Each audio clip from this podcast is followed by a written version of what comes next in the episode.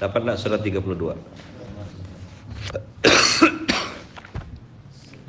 surat 32 itu surat As-Sajdah. Ayatnya ayat 21. Surat 32 ayat 21. Antum buka coba lihat. Wala nudhiqannahum. Wala la di situ la. Mana ustaz-ustaz asatid ini? Wala nudhiqannahum. Maka kami pasti akan merasakan kepada kalian semua. Ayat 21. Wala nudhiqannahum minal adzabil adna. Kami akan rasakan pada kalian semua siksa yang dekat di dunia. Dunal azabil akbar. Sebelum datang siksa yang lebih besar. La'allahum yarji'un. Ini satu dari sekian banyak ayat yang saya lihat dalam tadaburnya juga tafsirnya disebutkan bahwasanya tujuan Allah memberi ujian apakah itu ujian yang di dekat depan mata nih sebelum nanti datang ujian yang lebih besar yaitu di akhirat nanti tujuannya kata Allah cuma satu supaya ente supaya kita balik ke Allah itu aja jadi kalau ada bahasa gini itu bahasa romantis tuh gini ada yang sering bilang kan saya setuju Allah kasih masalah itu bukan karena Allah benci. Allah kasih masalah itu karena rindu sama ente. Udah lama gak dengar ente nangis. Kapan sih terakhir nangis? Nonton Korea, Ustaz. Malah cerita. Drakor. Kapan terakhir nangis? Waktu SD, Ustaz. Nah, habis itu gak pernah nangis lagi. Gak pernah harus cari momen, harus cari episode dan kadang-kadang episode itu kita tidak mau terjadi, tapi gara-gara episode itu kita nangis. Allah diginikan. Ya Allah, tidak enak ya Allah. Sedih saya ya Allah. Saya tidak melakukan ya Allah, misalnya gitu ya. Tapi orang-orang anggap Nah antum ngeluhnya di, bukan di sosmed, ngeluhnya di sejadah. Antum bilang, kok memang saya salah, saya terima ya Allah. Tapi kalau saya tidak salah, tolong tunjukkan jalan terbaik. Ya. Misalnya gitu ya. Terus antum nangis. Nah, nangis itu tuh, nangis kembali. Taubat itu kan artinya kembali. Episode dikembalikan. Harus ada. Saya alami betul itu. Dihina ya. Caci maki. Jadi kalau sekarang kena caci maki sama ya. Dulu 2011 2012 kena gak saya? Sekarang dipuji-puji dulu digontor dipuji-puji gak jadi sama ya hidupnya gitu-gitu ya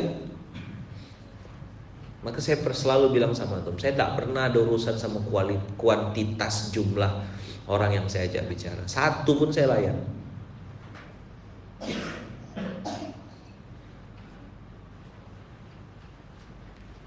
Tapi satu orang yang mau dengarkan baik-baik, mau dengarkan sungguh-sungguh, punya ahlak bagus, punya niat bagus itu jadi nanti. Waman ahya fakaan nama ahyan nasa jami'an. Siapa yang menghidupkan satu orang, dia menghidupkan banyak. Nah, abang kakak yang dengarkan di Facebook atau dengarkan lewat Facebook podcast kali ini, Allah kasih kita ujian supaya kita kembali Tujuan utamanya apa? Supaya kembali. Cuma ada orang yang harus kembali ke Allah dalam keadaan mati. Habis dikasih peringatan tidak mempan-mempan, kasih panau tidak taubat, kasih kurap tidak taubat, kasih jantung tidak taubat juga, malah kedukun, kasih kaya Mudah-mudahan bersyukur nih kata Allah. Enggak juga. Oh, malaikat maut turun tarik agen. Nyambung kira-kira? Apa tujuan Allah kasih ujian macam-macam tuh? La'allahum yarji'un. Bahasa Qur'annya apa? La'allahum yarji'un. Coba kalau tidak dikasih masalah, masih sombong kita. Coba kalau tidak kasih masalah, tidak bisa kita turun ke bawah, tidak bisa kita ngerasakan apa yang orang lain rasakan. Coba tidak dikasih masalah, mungkin kita tidak ngerjakan apa yang kita kerjakan hari ini. Saya kalau tidak dikasih masalah di Malaysia, tidak balik saya ke, ke Pontianak. Masih stay di sana mungkin lanjut S2 atau lanjut S3 atau jangan-jangan jadi TKI. jadi tenaga kerja kan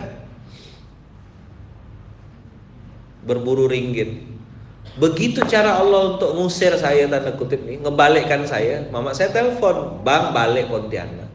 Banyak yang bisa dikerjakan di Pontianak. Saya 15 tahun ninggalkan Pontianak. Mana punya orang kenal-kenal? Jalan ya saya tak apal, Ji. Abang nih. Tak apal jalan Pontianak.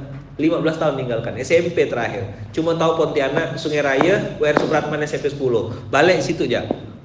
Motor tak boleh, mama abang tuh strict, mama saya strict. Maklong tuh mana boleh kan naik motor. Ke warung depannya tak boleh. Strict garang mama saya. Tapi garang lah cara Allah untuk menyelamatkan saya. Nah, episode-episode itu, episode-episode itu membuat saya memutuskan untuk balik. Nah, balik Pontianak bingung, apa aku nih?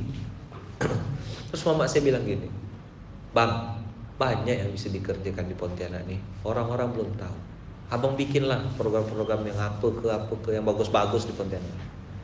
Nah itulah dia tercetus sedekah akbar tuh. Itulah dia tercetus gerakan infak beras 2012 tuh. Itulah tercetus santri berbagi takjil. Itulah bikin program marhabannya Ramadan. Anak yatim dihibur di dalam pesantrennya. Bikin program, bikin macam-macam dari situ saya apa mulai ngingat-ngingat, oh ini jangan-jangan maksud Allah.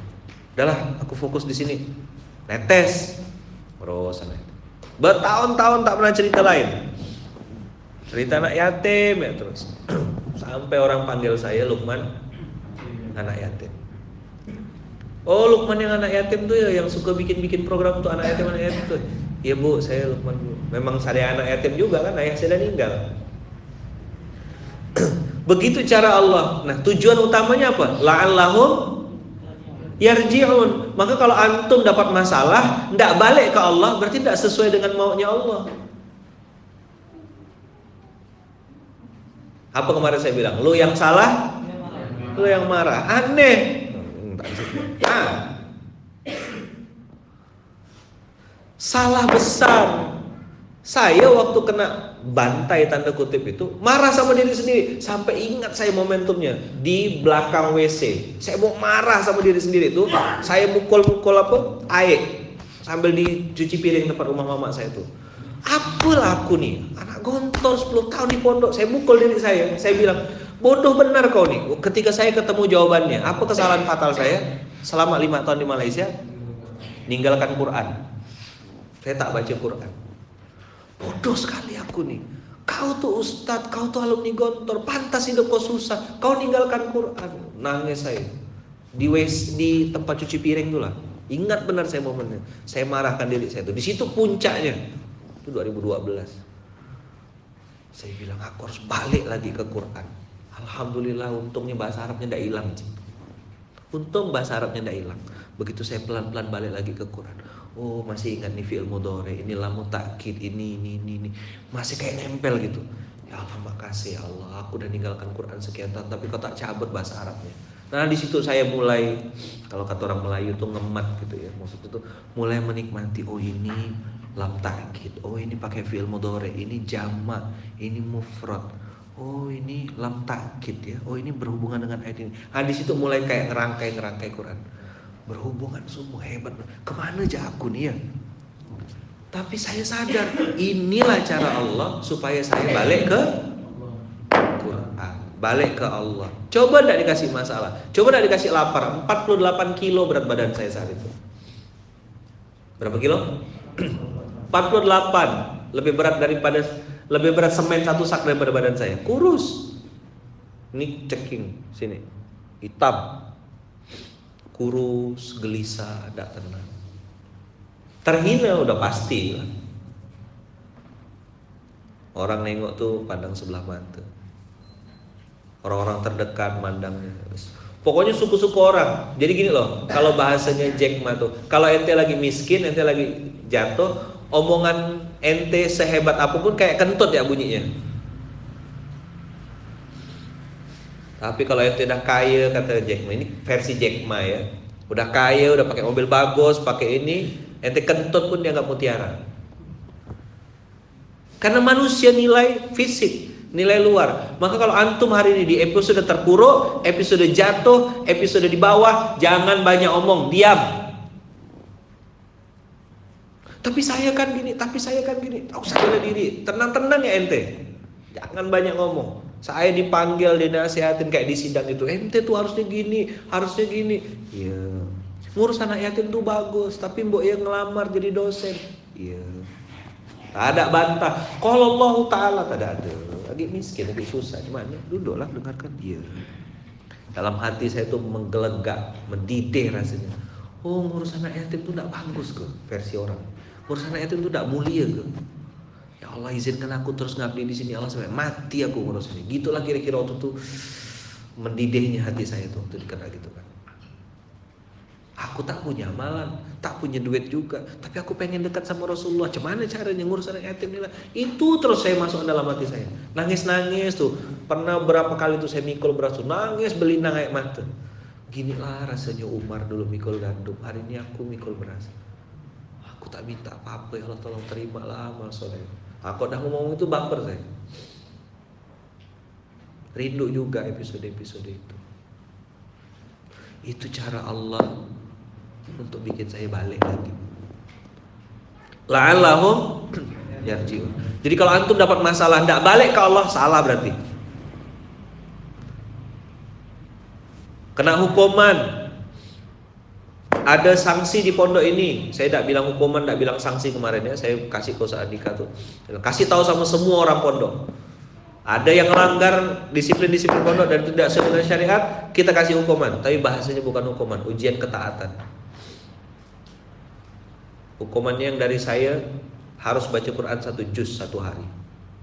Bukan hukuman sih ujian ketaatan. Ente mau baca, ente mau bohong suka-suka ente. Saya ente bisa bohongkan tapi Allah tak bisa ente bohongkan. Dua STW sholat tepat waktu. Dulu di kantor kami ada istilah tauki jidar. Masih ingat gak? Pik. Tolip. Apa tauki jidar, Pik? Tanda tangan. Jidar? Tanda tangan di dinding masjid. Terus tugas-tugas yang dikasih amanah freeze, istirahat dulu ente. Tak usah kerjakan dulu. Ente fokus sama ibadah. Fokus sama betulkan diri. Ketiga, wajib ikut ngantarin infak beras, ngantar beras ke pondok-pondok. Wajib ikut turun. Ngapain ente kayak gitu? Nebus dosa. Ngapain ente kayak gitu? Ngingat-ngingat episode Umar. Ingat-ingat pelajaran. Dengan episode itu dengan ujian ketaatan itu ente justru malah robbana zolamna anfusana la ilaha illa anta. Dari situ ente bisa ngerasakan oh gini rasanya ketemu sama santri. Ente tambah dekat sama Allah, berarti ente tambah soleh. Berhasil lulus. Lalat masuk surga. Kena gitu kan ente marah, ente protes, ente tidak terima. Ente dapat lalat masuk neraka. Saya ngomong gini, saya contohkan. Saya ngomong gini, saya ngasih ini. Ketika ada orang negur, ada orang ngasih tahu, ente harusnya gini, harusnya gini. Iya. Tak ada protes, tak mau bantah saya. Tak mau jadi orang pintar.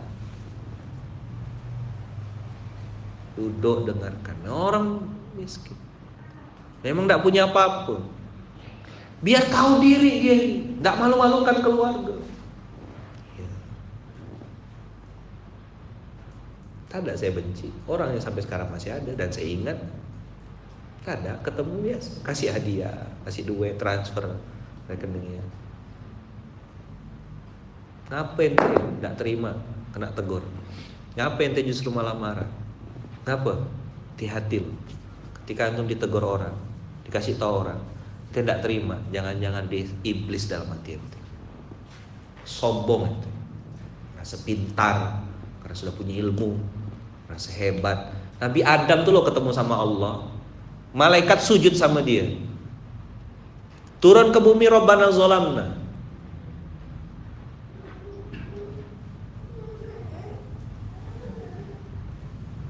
Nabi Adam yang salah atau iblis yang salah? Kerjanya iblis kan? Tapi Nabi Adam tahu diri betul. Inilah cara. Dan kalau kemarin saya baru nyambung ya, baru paham. Ternyata kalimat Allah dari awal tuh ini ja'ilun fil ardi khalifah. Aku ciptakan di muka bumi nanti khalifah. Jadi memang settingan awal Adam ini akan diciptakan Allah untuk tinggal di bumi. Episode dia ada di surga itu adalah bagian dari grand designnya Allah. Kan dia yang maha Tuhannya. Maha besarnya, maha punya skenario. Ini launchingnya di surga. Itulah bahasa sederhananya Wayan. Habis itu aku bikin skenario. Iblis masuk. Kan semua terjadi atas izinku kata Allah. Betul lah? Izin Allah enggak? Izin Allah. Iblis bisa kacau, bisa menghasut, bilang Allah tuh larang ente makan pohon ini supaya nanti ente tidak jadi makhluk yang abadi. Makanya disebut pohon khuldi.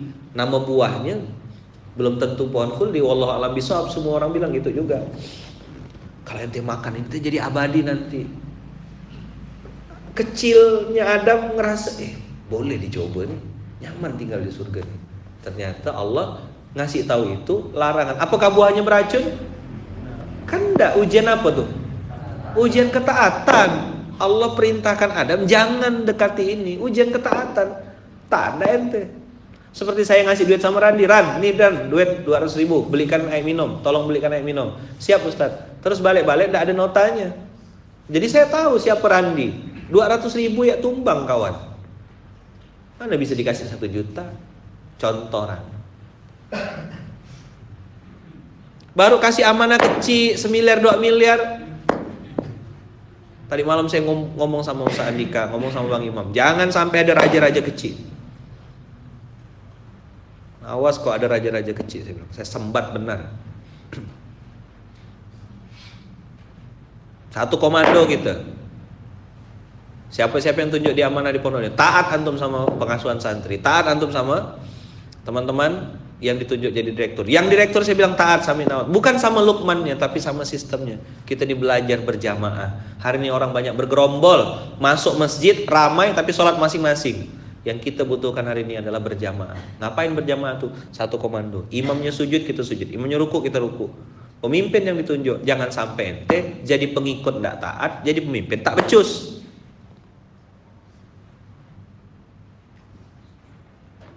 Lapar, marah Ustaz. Iya. Lapar saya. Gerak. Jangan sampai jadi pengikut tidak taat, jadi pemimpin tidak becus. Ini ja'ilun fil ardi khalifah. Aku ciptakan di muka bumi ini khalifah fil ardi. Jadi grand designnya Allah. Bahasa sederhananya nih, launchingnya di surga, tinggalnya di dunia. Memang udah skenario Allah. Begitu Nabi Adam turun ke bumi, Nabi Adam bilang apa? Rabbana zolamna anfusana. Bagaimana Nabi Adam merespon kejadian diturunkan ke bumi itu?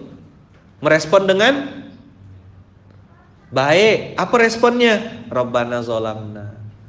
Maka Nabi Adam dimuliakan enggak?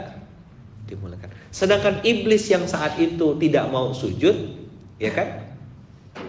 Responnya gimana? Hei iblis, sujud ente. Apa kata iblis? Hah? Ana khairun. Teman-teman, gini loh. Tahu nggak ceritanya nih? Nah, ini saya